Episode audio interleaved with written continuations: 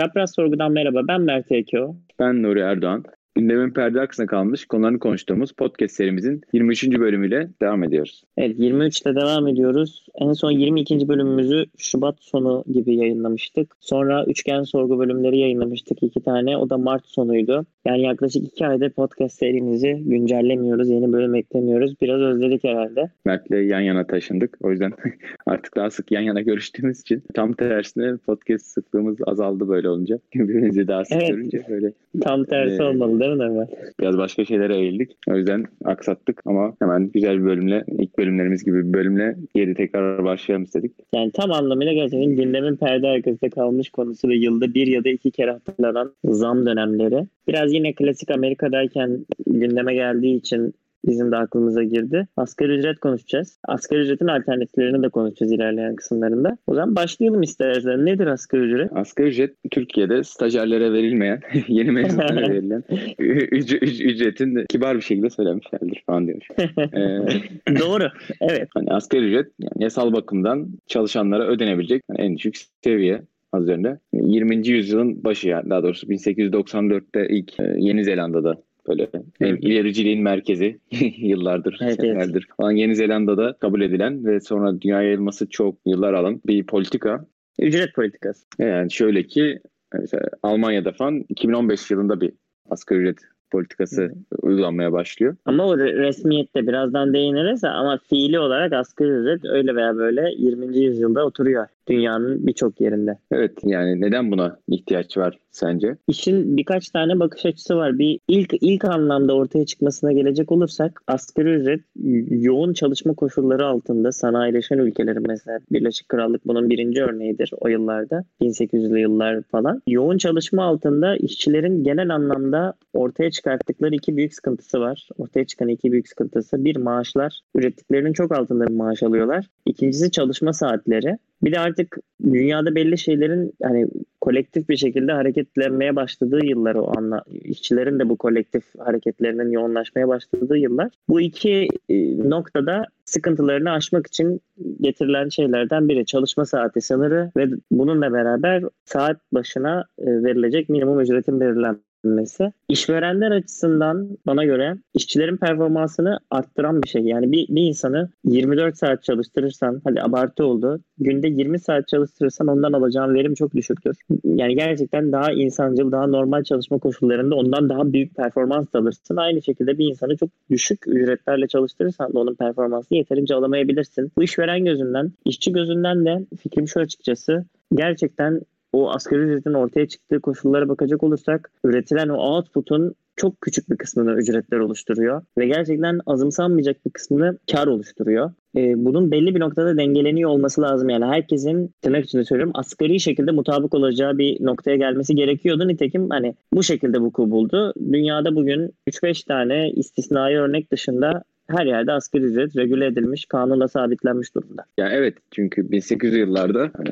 artık bildiğimiz anlamda kapitalizmin ortaya çıkması ve işçilerin gerçek manada normal bir yani sömürülmesinden kaynaklı olarak o kazandıkları en önemli haklardan biridir belki sosyal güvence hakkı. Çünkü yani o dönemin işverenin gözünden baktığın zaman hani işçi hani ölebilir de yerine gerisini koyabilirsin. Yani insan sağlığı canı yani çok da değerli olmadığı için veya onu sadece yani ekstra bir saat bunu çalıştırırsam işte ona şu kadarcık verirsem hani ve o kişi ondan ne kadar motivasyon kaybolursa falan bunun hesabını çok da aslında yapmasına gerek hani olmadığı bir dönemde çıktığı için yani bu dönemde olduğu için çıkması mantıklıydı daha doğrusu. Ama şimdi belli bir asgari ücretin oluyor olması hani bunun e, makul bir seviyede belirlen diye anlamına gelmiyor. Mesela yani bir, bir asgari ücret vardır ama senelerle yani enflasyona bağlı değildir. Mesela Amerika'da asgari ücret enflasyona bağlı belirlenmiyor. En son 2006 yılında değiştirilmişti ve saatlik 7.25 dolar. Ve bu değişmedi. Yani 2006'da da 2021'de de yüzde Amerika'da 1-2 civarında da olsa belli bir enflasyon var ve e, reel olarak oldukça düştü asgari ücret. Yani asgari ücret var ama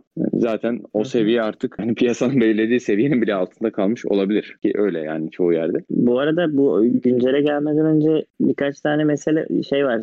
Tarihi olay var. Küçük küçük alanlar hani öyle tematik bir şekilde devam etmemiş ama yine Britanya'da 1300'lerde 3. Edward'ın bir askeri ücret böyle işçilere askeri ücret belirleyen bir şey var. Daha çok hani o yıllarda self kültürü feodal kültür var ama hani e, bir kararname yayınlamış. Bir de 1600'lerde e, yine İngiltere'de yayınlanan bir tekstil işçilerine asgari ücretle ilgili bir düzenleme var. Ha böyle dönem dönemde düşünmüşler yani direkt tepeden gelen evet bunların bir minimum seviyeye çekilmesi lazım. Burada da öne çıkan kavramlar var, parametreler var diyeyim. Yoksulluk ve açlık sınırı. Öyle veya böyle günümüzün dünyası yaşatan dünya ve insanları açlık sınırının üstüne ve büyük kalabalıkları yoksulluk sınırının üstüne çekmeyi planlayan sosyal politikalarla bezeli şu an dünyadaki devletlerin birçoğu. İngiltere dediğim muhtemelen şeydir. ülke geneli bir politika olmadığı için şeyden sayılmıyordur da. Hani belki belli sektörler falan dahil ediyordur. Şimdi tabii bu dedim yani 2006'dan beri işte Amerika'da artmadı mesela bu asgari ücret. Çünkü bunu asgari ücret artsın ya da ne kadar artsın, şu kadar artsın, bu kadar artsın diye yani iki farklı grup var bunu tartışan. İşte cumhuriyetçiler yani biraz daha az hükümet yani hükümetin müdahalesinin az olması gerektiği, işte vergilerin az olması gerektiği, piyasanın kendi haline bırakıldığı zaman daha iyi her konuda yani daha daha iyi işleyeceğini savunan cumhuriyetçiler bir tarafta ve tam tersine tam da tam, her konu tam tersine değil ama bir şekilde yoksul kesimlere hükümet yardımlarının olması gerektiği ve dolayısıyla bunda zenginlerden vergi yoluyla alınması gerektiğini savunan demokratlar var. Şimdi dünyadaki ekonominin gidişatına göre tabii iki parti de belli yöne hani hep kayıyor. Mesela e, Cumhuriyetçiler Reagan döneminde bu politikası toplum tarafından da destek gördüğü için e, Cumhuriyetçiler büyük bir avantaj elde etmişti mesela ve o yüzden demokratlar da o dönem e, aslında e, hani Cumhuriyetçilerin diline daha yaklaşmıştı gibi. Ama mesela şu anda da günümüzde hani belli şey Covid'in de getirdiği bir sıkıntıdan dolayı alt kesimlere bir yardım yapılsın. Ama ne kadar yapılsın tartışması. Yani Cumhuriyetçiler de evet yapılsın diyor. İşte ama miktar hı hı. hani biri bir söylüyorsa diğeri üç söylüyor gibi işte asgari ücret meselesi de hani bununla aynı. Şu an işte Biden 15 dolara çıkarılması gerektiğini söylüyor 7.20'den 15'e. Büyük bir Hı. miktar. Bunda aslında hani Bernie Sanders yani daha sol gerçekten konuda hani Demokrat Parti'yi belki yönlendiren kişi olduğunu da söylemek lazım. Yani Demokratlar 15 dolara çıkarılmasını savunur. Yani Cumhuriyetçiler de 11 dolar ya da 10 dolar artı ama enflasyona göre ayarlansın gibi bir şey savunuyor. Tabii bu da aniden yükselmeyecek bu arada. Yani bir 3-4 senelik 2024'e kadar mesela kademeli bir şekilde artacağı bir plan. Ve tabii anlaşamıyorlar. Anlaşamıyorlar. 7-25'te kalıyor. Yani Amerika'da böyle bir, bir parti iktidara gelince bir şeyleri değiştiremiyor. Bunu çünkü senatodan geçmesi lazım. O da 60 oyu gerektiriyor. 100 kişilik senatoda iki partide de bu oy belki hiçbir zaman olmayacağı için bir şekilde anlaşmadan geçmiyor. 50 yeter ya. 51. Yok işte şey e, bu şeyi geçiremediler. E, çünkü bu Covid paketin içine geçirmek istediler onda. Şey bütçe bütçeyi hani o budget reconciliation diye bütçeyi Hı-hı. yeniden ayarlama gibi bir modelle bu ekonomik politikaları geçirebiliyorlar. Ama bu 15 dolar asgari ücret meselesini bunun içine dahil etmedi senatonun kuralları diyeyim yani. Senatonun kurallarını da belirleyen bir yetki var aslında. Onu hmm. aşabilirsin. Onu aşabilirsin ama kimse onu aşmıyor. Yani o sen orada bir belli bir bürokratlar var. Onlar hmm. bunun o budget reconciliation yöntemiyle değiştirilemeyeceğini söylediler ve o yüzden o şey yasa iç, paketi içerisinden çıkarıldı. Şey, Anladım. Ama zaten hemen onun üzerine Sanders kim hangi taraf savunuyormuş görelim bakalım diye hemen üstüne yine de şeyi verdi e, eklenmesi teklifini. Yani 60'a ulaşması gerekiyordu ama zaten 6-7 tane demokrat fire verdi. Hmm. Yani o savunmayanları da adam açığa çıkarmış oldu. Yani 50'de 50 oyu da yokmuş zaten. Demokratların da özellikle cumhuriyetçi eyaletlerden seçilenleri bunu 15 doları söyleyemediler bile. Yani işte arada anlaşalım vesaire. Şimdi, Diye şimdi e, şeye gelelim yani kim neden fazlasını istiyor, kim neden azını istiyor. Yani burada evet yani iki tarafın düşüncelerini hani konuşalım. Yani bu bölümü yapma amacımız da bu. Aynen. Belki. Yani Yoksa herkes asgari ücret 10 bin olsun. Böyle Haydarbaş vardı ya. asgari ücreti 5 bin lira yapacağım diyordu kaç sene önce. 5 bin liranın değerli olduğu yıllar falan. Yapalım. Peki ne oluyor ertesi gün? Hani bunları da düşünmek lazım. Neyse ki hakikaten. Yani insanlar bunlara prim vermiyor ama ya. Hani bir yandan bazen ben düşünüyorum işte insanımız bazen çok musaf falan diye ama ona düşünüyorum aslında o kadar da şey değil gibi falan. Hani prim prim vermiyor bu tarz şeylere girme geliyor. Yani Yok zaten ama... artık o kadar da değil ya. Bir enflasyon ne demek, bir faiz ne demek insanlar biliyor artık. Gerçekten biliyorlar. Yok şu an zaten hani hepimiz şeyi öğrendik yani böyle en şeyine kadar işte türev ürünler şeyde ne kadar o, şey ne kadar etkili enflasyonu falan kendimiz araştırıp öğrenmemiz gerekiyor. Neyse. İşte dediğim gibi bu cumhuriyetçiler asgari ücreti çok sev, yani sevmedikleri için yani düşük bir şey olmasını savundukları düşük bir şey olmasını savunmalarının sebebi bir klasik ekonomik teorisiyle bakıyorlar. Yani bu maaşlar piyasada arz talep dengesiyle belirlenmeli. Bunun bundan aza kurduğun her e, set sana işsizlik olarak geri döner. Yani o o bir firma 5 kişiye çalıştırıp hepsine 1000 verecekse eğer sen 2000 yaparsan rakamlar çok kötü verdim ya. 2,5 kişi. Dur. 5 kişi çalıştırıp her birine 1600 dolar vermek yerine eğer sen onu 2000 neset edersen kaç olur? İşte 4 kişiye düşürmen gerekir çalıştırdığın kişi sayısını falan gibi bakarak hani bu yani ilk başta direkt ilk yaptığın okuma gerçekten bu olur normalde. Zaten bu en büyük çekince asgari ücret konusunda. Ha, ya da bir diğeri işten çıkarmaz da onu fiyatlara yansıtır. Yani o da arttırırsın o da otomatikman fiyatlara yansıtır. Yine insanlara negatif olarak geri döner. Zaten Şeyinden... şey buna birazdan da değiniriz. Reel ücretlerin herhangi bir asgari ücret ya da ücret zammından bağımsız olup olmadığının tartışması da oraya biraz oraya geliyor. Eğer bu mesela senin dediğin durumda ücretlerin artışından sonra o enflasyon olarak yansıyorsa reel ücretler artmamış demektir. Yani alım gücü evet. asgari ücretin alım gücü değişmemiş demektir. Bu da aslında ortada fiilen pek de bir zam yok demek gibi bir duruma gelir. Mesela yüksek enflasyonlu evet. bir senaryo hayal ettiğimizde böyle bir cevap alabiliriz. Bu arada Şimdi, şey, evet. Avrupa'da da reel ücretlerin en çok arttığı dönem ne zaman biliyor musun? Ne zaman? Şey, veba, kara vebadan sonra. Nüfusun üçte biri ölünce kalan üçte ikisi çok iyi koşullarda yaşıyor uzun yıllar. şey, bir anda şey arz düşmüş oluyor, işçi arzı düşmüş oluyor. Evet yani şey Evet %33 için çok ölümcül bir problem. nüfusumuzun üçte birini öldürsek genelde öyle olur. Gerçi öyle mi olur şu an bilmiyorum. Evet. Ya o zaman robot yoktu tabii. Şimdi ama tabii işte enflasyon falan işin içine girince e, ortaya şu mevzu çıkıyor.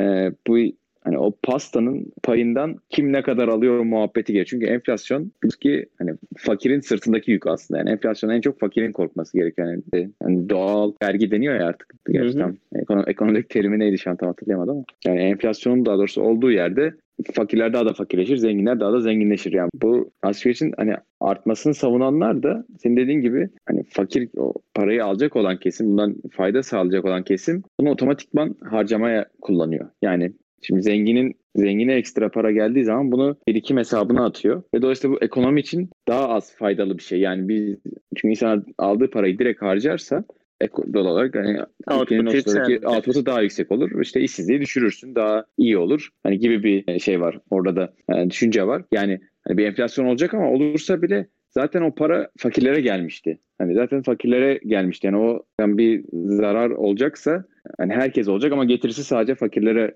gelecek gibi bir düşünce var. Yani bu hani ekonomi genel olarak daha mı verimli olacak, verimsiz mi olacaktan öte fakirler için daha mı iyi olacak, zenginler için daha mı kötü olacak? Yani dünyada biraz daha eşit bir yer mi olacak? E, tartışmasına dönüyor zaten e, şeyden. Ya bu FDR'ın Franklin Delano Roosevelt Amerika'nın bu meşhur 1929 buhranının onarıcısı başkan diyeyim.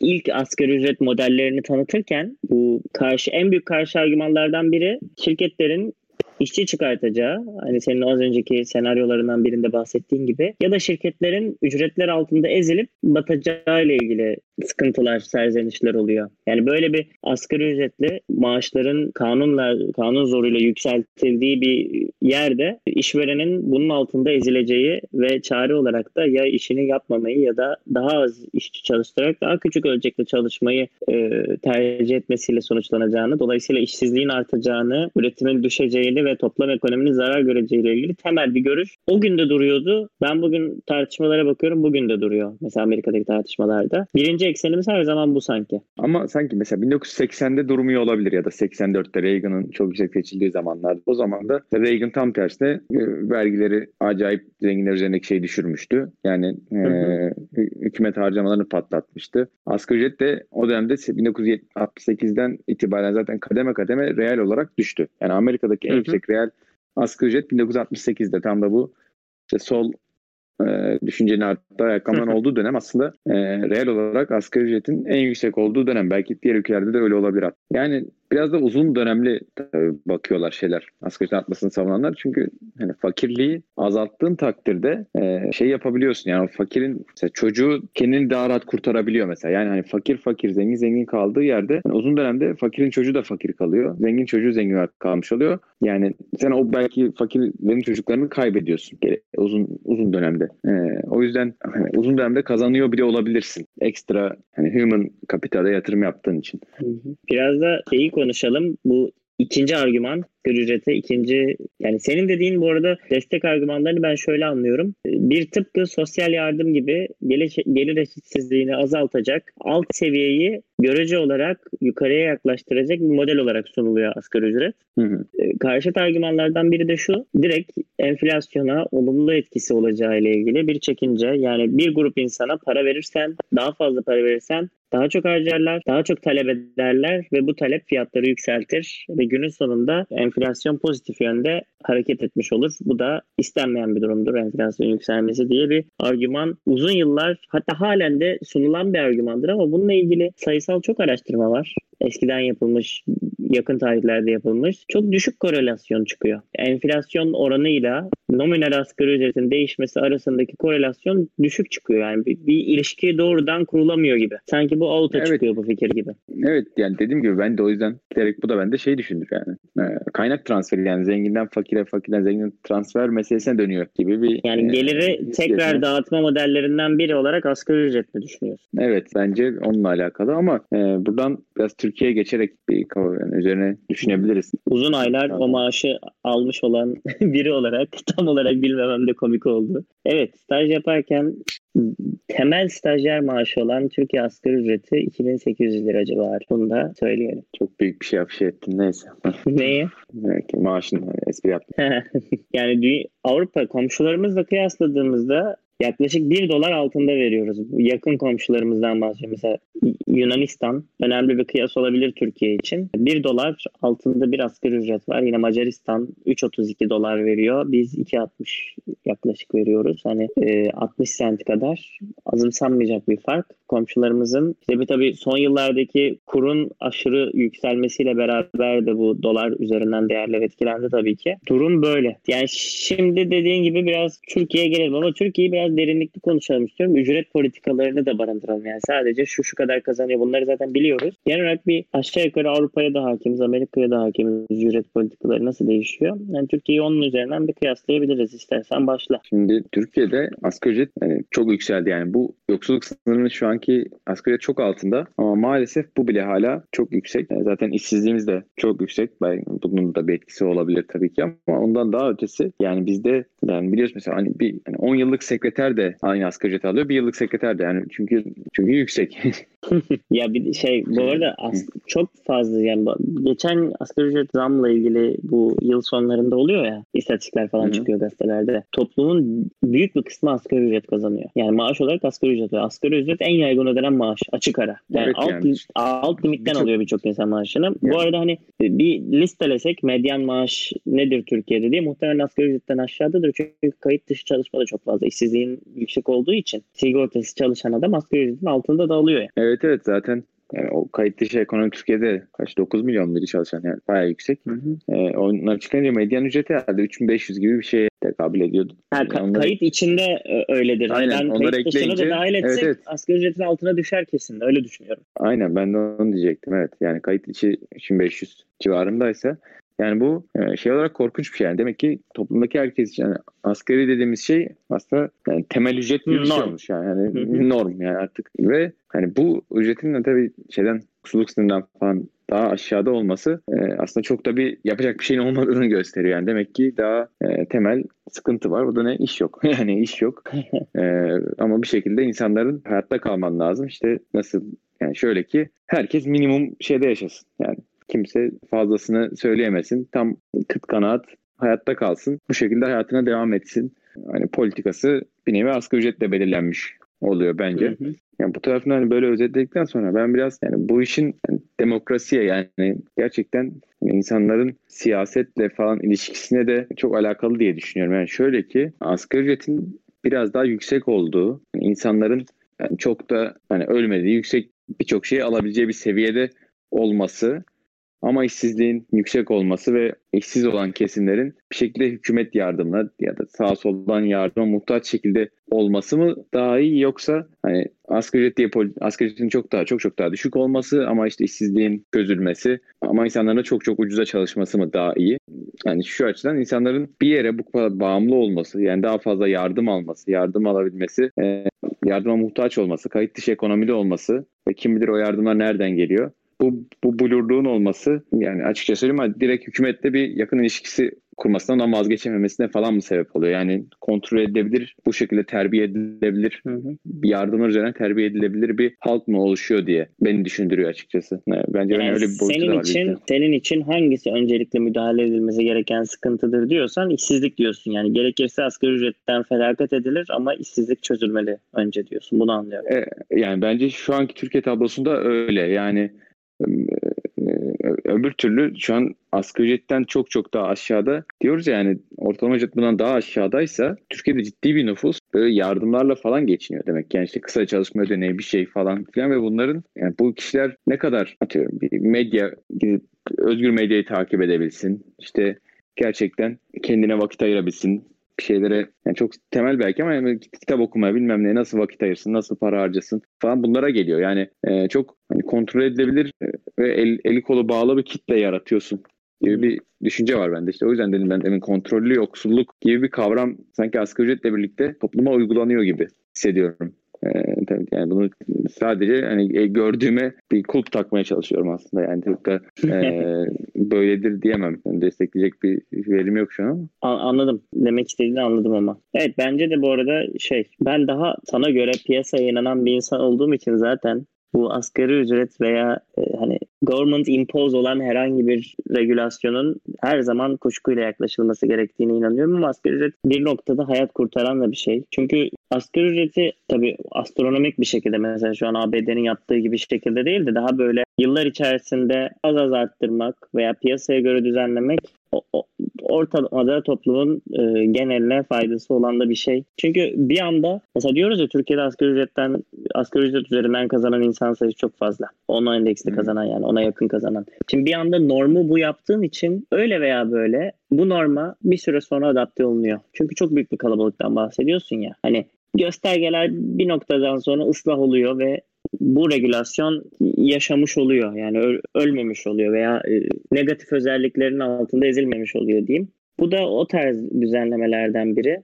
Yani evet aşırı yüksek vergiler olacağına özel şirketler biraz daha fazla maaş versin. Ben buna okeyim. Hani asgari ücret zammı ile ilgili fikrim ne olur? Bu olur. Ama Burada da altını özel şirketler olarak çizmek istiyorum. Geçen mesela bu bazı İstanbul belediyelerinin yaptığı lüzumsuz maaş zamlarına karşıydım. Halen de argümanım o şekildedir. Herhangi bir kurum bizim vergilerimizden bir yere ödeme yapıyorsa piyasa fiyatlarının en fazla eşit olmalıdır. Piyasadan daha iyi vermemelidir. Bunu halen de savunurum bu fikrimi. Buraya şerh düşeyim yani. Yani söz konusu belediye ise ve benim vergilerimle ödeme yapıyorsa piyasadan daha iyi ödeyemez. Yani benim inancım evet. bu yöndedir. Yani evet yani memurların hani aldığı maaş vesaire zaten o konuda biraz dertli olabiliriz belki bilmiyorum ama o konuda da yine deminki dediğimiz hani herkesin asgari ücrete yaklaşması e, prensibine aslında uyuyor. Çünkü yani şu asgari ücret bu sene %21 zamlandı. 2300'e 2800'e resmi açıklanan enflasyon çok üzerinde zam yapıldı. Ama hı hı. memurlar falan o kadar ya da özel sektör zaten hiç alamaz yani. Öyle bir zam git senede %20 falan sanmıyorum yani. yani enflasyon altında ya eziliyor. Bu arada gerçekçi olalım. Şimdi her özel sektörde kurumsal devasa holdingler değil. Eminim birçoğu elden alıyordur parasını. Kayıt dışı dediğimiz durumda bu ya. O yüzden o, o, o oranların, o zam oranlarının gerçekten yansıdığı yerler öyle kurumsal şirketler falan oluyor. Türkiye zaten bir hani esnaflar ülkesi yani gerçekten e, yani diğer Avrupa ülkelerine şeye göre hani esnafın e, yani çok yoğun olduğu bir yer. Yani ben bunu sadece sırf şeye bakarak gözlemliyorum. Yani sokaktaki dükkan sayısı falan filan Avrupa'nın hani yani hiçbir yerinde böyle değil yani. Bizde her köşe başı her apartman şeyi dükkan şey e, bir şekilde yani en azından tek kişi bile olsa yani tek kişinin mesela çalıştığı bir işletme yani öyle. Gerçekten ufak işletme. Yani özel sektör deyince ben biraz da böyle anlıyorum. Buraları anlıyorum. Şey var asgari ücretten bağımsız ülkenin ücret politikası olarak biraz Avrupa ile kıyaslama yapmak istiyorum. Bizde giriş seviyesi kazananla belli deneyimden sonraki kazanan özellikle belli başlı sektörlerde katlanarak ilerlemeye başlıyor. Yani daha biraz Amerika'nın ücret politikasına Avrupa'ya göre daha yakın bir yaklaşım var. Mesela Avrupa'da, Almanya'da falan özellikle giriş seviyesiyle ileri seviye arasındaki maaş çok katlanmıyor gibi geliyor bana. Bilmiyorum yanlış mıyım doğru muyum ama. Evet Avrupa'da öyle yani 5 senelik mühendis ya da 10 senelik bir mühendis yani bir senelik mühendise göre belki en fazla iki katını alıyor maaş olarak hatta bir buçuk katını falan. Hani o ilk giren mühendis de bir işçinin bir buçuk katını alıyor. Yani Hı. şeye göre yani Türkiye'ye göre kıyasladığın zaman yani o yüzden şey...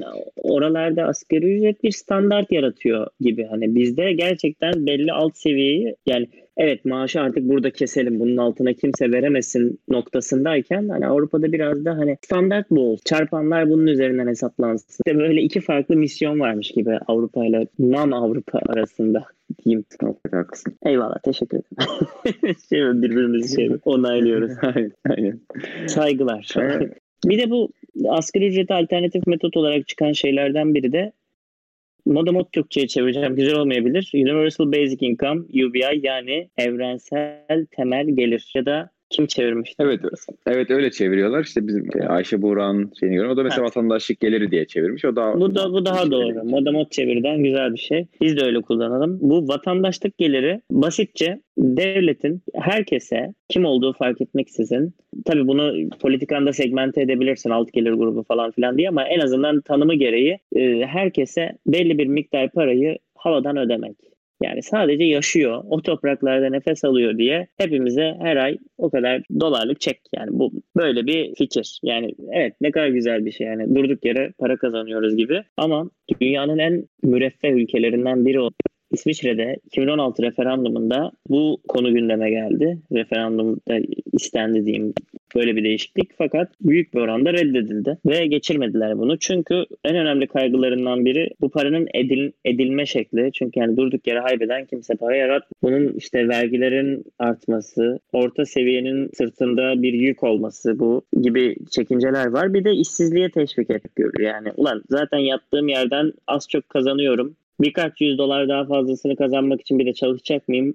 diyen insan olur diye böyle bir şey olur mu olmaz mıdan bağımsız yani olma ihtimali için reddet. Dünyada da çok sempatiyle bakılan bir fikir değil. Sen seversin Nuri. New York Belediye Başkanı adayı Young bunu getireceğine taahhüt ederek şey yaptı. Kampanya yaptı. Sen ne diyorsun? E, yani senin demiş olduğun insanları hani çalışmaktan alıkoyar şey motivasyon aslında UBA'yı savunanlar yani tam tersini söylüyor. Çünkü şu anki şeyde çalışmadığın zaman bir işsizlik maaşı alıyorsun. Şimdi sen bir işe girdiğin zaman o işsizlik maaşını komple kaybediyorsun doğal olarak. Hı hı. Şimdi ve mesela atıyorum 1000 dolar işsizlik maaşı alıyorsun aylık. İşe girdin 1200 dolar oluyor. Sen hani ekstra 200 dolar için işe girmiş gibi olduğun için hani tam tersine o zaman e, yani yaptığın efor 200 dolarlıkmış gibi geliyor. Ama hani herkes yani 1000 doların her türlü cebinde olacak olsa yapacağın ekstra iş 1200 dolar. O durumda 1200'den az oluyor da yani daha yani 200 dolardan daha fazla olacak kesin. O yüzden hı. çalışmak her türlü sana ekstra para getirir. Çalışmak her türlü bir değer üretir. Hatta hani şey diyorlar bazen hani çalışıyorsun üzerine vergi veriyorsun bilmem ne bir de ekstra çalışmanın getirdiği yorgunluk falan olunca yani sana eline geçen belki o işsizlik maaşında aldığın durumdan daha kötü duruma geliyorsun falan diye. Yani o yüzden son Ama işsizlik tam- maaşı da uzun süren bir ödenek değil sonuçta. Hayatın boyunca aldığın bir para değil işsizlik maaşı. Evet geçici. Yani 9 ay falan gibi şey bir Hı hı. süresi Yani var. ona güvenerek iş hayatını ona güvenerek planlamazsın ama bu vatandaşlık geliri hayat boyu sadece nefes aldığın için sana ödenmesi vaat edilen şey. Açıkçası E, Orada bir şey diyecek mesela İsviçre reddedilmiş ama hani orada muhtemelen bir öneri de vardır ne kadar olacağıyla ilgili. Yani orada 2000. öneri 2000 frank yanlış bilmiyorsam yine kontrol ederim. ama çok yüksektir. Yani bu hakikaten şey olması lazım. Yani yani neredeyse yaşayamayacak derecede bir 2500 şey olması lazım. Yani. 2500 frank şeye proposal'a 2500 girmiş. frankla şimdi İsviçre'yi tam şey ama muhtemelen bayağı yüksek yine bayağı rahat yaşarsın yani tahminimce öyle. Tam çok rahat değil ama yaşarsın. O mesela olabilir belki ama yani sadece aç bırakmayacak falan seviyede bir şey olsa hani her türlü insanı bence şevk eder yani e, çalışmaya diye ben düşünüyorum. Ya beni zaten ilk kaygılandıran şey insanları tembelliğe sevk etmesinden ziyade bu paranın nasıl edinileceği. Şimdi bu vatandaşlık gelirinden bağımsız bir vergi politikaları dünyada tartışılıyor. Varlık vergisi diye bir şey mesela konuşuluyor. Bu çok sıkıntılı şeyler bence bunlar. Hani sadece bir mülk sana ait diye her yıl buna bedel ödediğini düşün. Yani senin onu değer değerine bir şey kattığın yok. Herhangi bir ülkenin gayri safi hasılasına artı puan yazmıyor. Sen onu aldığın için cezalandırılıyor gibi bir şeysin. Durmadan para ödeyeceksin. Veya feraset vergilerinin arttırılması gündemde. Hani bu gelir eşitsizliğinin de dengeleneceğini düşünüyor bu sayede ama bu tarz bireye ve özgürlüğe kasteden, mülkiyete kasteden şeyleri destekçisi ve zemin hazırlayacak şeylerden olduğunu düşünüyorum. Bu temel vatandaşlık gelirinin, ödeneğinin veya. Ama bunun ben arkasında şunun olduğunu düşünüyorum ama. Yani sanki yani dünya kaçınılmaz bir şekilde oraya doğru gidiyor anlatmaya çalışacağım. Şimdi pandemi döneminde de gördük. Bu büyük şirketler yani ve onların sahibi olan insanlar ki şu an işte dünyanın en zengin insanı aynı zamanda işte Amazon'udur, e, işte Microsoft'udur falan. Yani bunlar hani en büyük şirketler, en çok kişi çalıştıran insanlardan biri de olabilir tabii. Ve aynı zamanda dünyanın en zengin insanları ve bunlar servetlerine servet kattı bu dönemde ki bu sırada birçok insanın geliri düştü, şey düştü, Hı. maaşları işte konuştuğumuz hep enflasyondan dolayı belki düştü, düşecek. Ee, yani e, zengin fakir ayrımının böyle über artacağı bir artık çok arttı ve bunun daha da hani artacağı bir döneme gidiyoruz. Bu bir şekilde sosyal patlamaya sebep olabilir. Evet. Hani gibi geliyor bana. Gerçekten dünyada birkaç tane büyük şirket olacak. O birkaç tane büyük şirket ise tüm geliri toplayacak ki artık ona ne kadar kişi çalıştırıyorsa yani bugün mesela bir Netflix'in elde ettiği ciro ne kadar e yüksek ama çalıştırdığı kişi 5000. Mesela yani çok büyük bir şekilde o o şirketlerin, büyük şirketlerin sahiplerine para kalıyor. Para oraya gidiyor. Para oraya onların servetine ekleniyor. Ama ama nüfus var yani belli bir nüfus bir şekilde yaşayacak belli bir şekilde e, e, yani nasıl desem hani eskiden fabrika kuruluyordu belli fabrika hmm. işçi çalıştırıyordu mühendis çalıştırıyordu ve şimdi otomasyon var diyorsun. Ha, şimdi para o sahiplere gidiyor harcama tarafı alayına destekleniyor ve dediğim gibi otomasyon var yani, yani dünya bana şey gibi geliyor birkaç kişi kendileri gönüllü olacak bir yerden sonra. Hani o dünyanın en zengin insanlar ya tamam biz herkese 2000 dolar dağıtalım. Ama yeter ki herhangi bir e, işte böyle bizi indirmeye yönelik böyle fantastik devrimsel şeyler olmasın, yaşanmasın gerekli yani. Yine kendimize atıfta bulunalım. Şeyde konuşmuştuk, para bölümünde filantropi konuşmuştuk ya. Biraz Bill Gates'in de mantığı bu Hı-hı. değil mi? Hani biz parayı aşağı doğru itmezsek bunlar bir noktada bizi keserler. Evet, Bill Gates, Mark Cuban falan hepsi yani da yine zenginlerden biri Amerika'daki hepsi şey diyor. Evet ya ben daha fazla vergi ödemeye hazırım zaten eğer bunlar gerçekten yani gerçekten hükümet yardımları e, doğru yere gidecekse işte insanların daha iyi ev, sağlık hizmeti almasına gidecekse ben daha fazla vergi ödemeye razıyım falan Hı. diyen insanlar yani. Ya ee, aslında ee, vergiyle ilgili bir bölüm yapalım Nuri. Kesinlikle vergiyle ilgili bir bölüm yapalım. Paul Krugman var e, Nobel ödüllü, ekonomi ödüllü. Onun o mesela vergilerin yükselmesi gerektiğini savunan hatta mesela Obama'yı ilk başlarda çok desteklemiştir ama sonra ondan çok rahatsızlığını dile getirmiştir. Yeterince bu konularda progresif olmaması ile ilgili. O şey diyordu. Amerika o FDR döneminde, Roosevelt döneminde tam bir orta sınıflar ülkesiydi. Orta sınıfın kalkındığı, ayrıştığı pozitif anlamda bir ülkeydi ve yüksek vergi oranlarıyla bunu sağladı. Vergi politikalarıyla bunu sağladı diye böyle bir argümanı vardı. Vergiyle ilgili bir bölüm yapalım ya. Şimdi bunu bitiriyoruz. Evet. Şu an içimden yok, geldi. Zaten, yoksa ben hani biraz da e, Amerika'da şimdi Biden'ın yaptıkları falan az çok yapmak istedikleri ortaya çıktı. Hani tamam Paul Krugman'ı hani zevkten dört köşe edecek şekilde ilerliyor zaten. Tamam hani sanki hmm. Biden hani Paul Krugman'ı okumuş. Demiş ki tamam, tamam, tamam abi ben seni anladım. Hakikaten Şeyde e, bir liberalin buna... vicdanı mıydı kitabın adı? Ya şöyle Trump çok korkuttu. Yani Trump gerçekten Aha. yani onun gücü alabilmesi ve hala güçlü olması falan e, yani demokratları ne bileyim yani merkez siyasetçileri birçok titretti bence ve o middle class'ı yani kaybettikleri şeyi nasıl geri almanın yolunu şeyini çalışıyorlar yani şu an gerçekten hani sol politikaların çözüm olacağını olabildiğine yani belki doğuştan inanmıyorlar. Yani Biden falan hep yani şey değildi çünkü merkeze yakın insandı ama başka yolu yok diye belki ona inandılar. Gerçekten dediğim gibi Paul dediler ki ya sen haklısın biz e, çok ufak attık. Bir şey yaptık. Kendi elimizdeki seçmenleri şeyleri kaybettik. Biz ne yapalım? Büyük oynayalım. Yardımları şeyleri basalım sonuna kadar. Zenginlere vergiyi dayayalım. Görelim bakalım ne oluyor. Şeyinde ilerliyor gibiler. Bir, bir vergi bölümü yapalım ya. Hakikaten evet. vergi çok önemli. Çünkü yani evet neden demokrasi var? Temel eksende düşünecek olursak biz devlete para ödüyoruz. Bunları bizim adımıza harcıyor devlet. E bunun da denetim mekanizması için meclisler kurulmuş. Yani aslında mantıken benim devlet yönetimine katılmamı sağlayan tek şey devlete para veriyor oluşu. Benden bir şey almasa ben de onunla yönetimle ilgili umursamam açıkçası ne yaptığını. Bana dokunmuyor çünkü. Bununla ilgili bölüm yapalım güzel bir şey. o zaman kapatıyorum yavaştan. Ekleyecek bir şey var mı? Yok. Tamamdır. Evet 23. bölümümüzle yani yeni sezon gibi oldu bu biraz bize. Geri döndük 2 ay sonra hatta çapraz sorguyu 3 ay sonra. Geri ücret konu konuştuk. Asgari ücretin neden var olduğunu, hangi ülkelerde hangi misyon için devam ettiğini konuştuk. Özellikle Türkiye ekseninde bir kıyaslama yaptık. Fikirlerimizi çarpıştırdık. Bir de sonra vatandaşlık geliriyle ilgili bir değerlendirme yaptıkça bizi dinlediğiniz için teşekkür ederiz. Müzik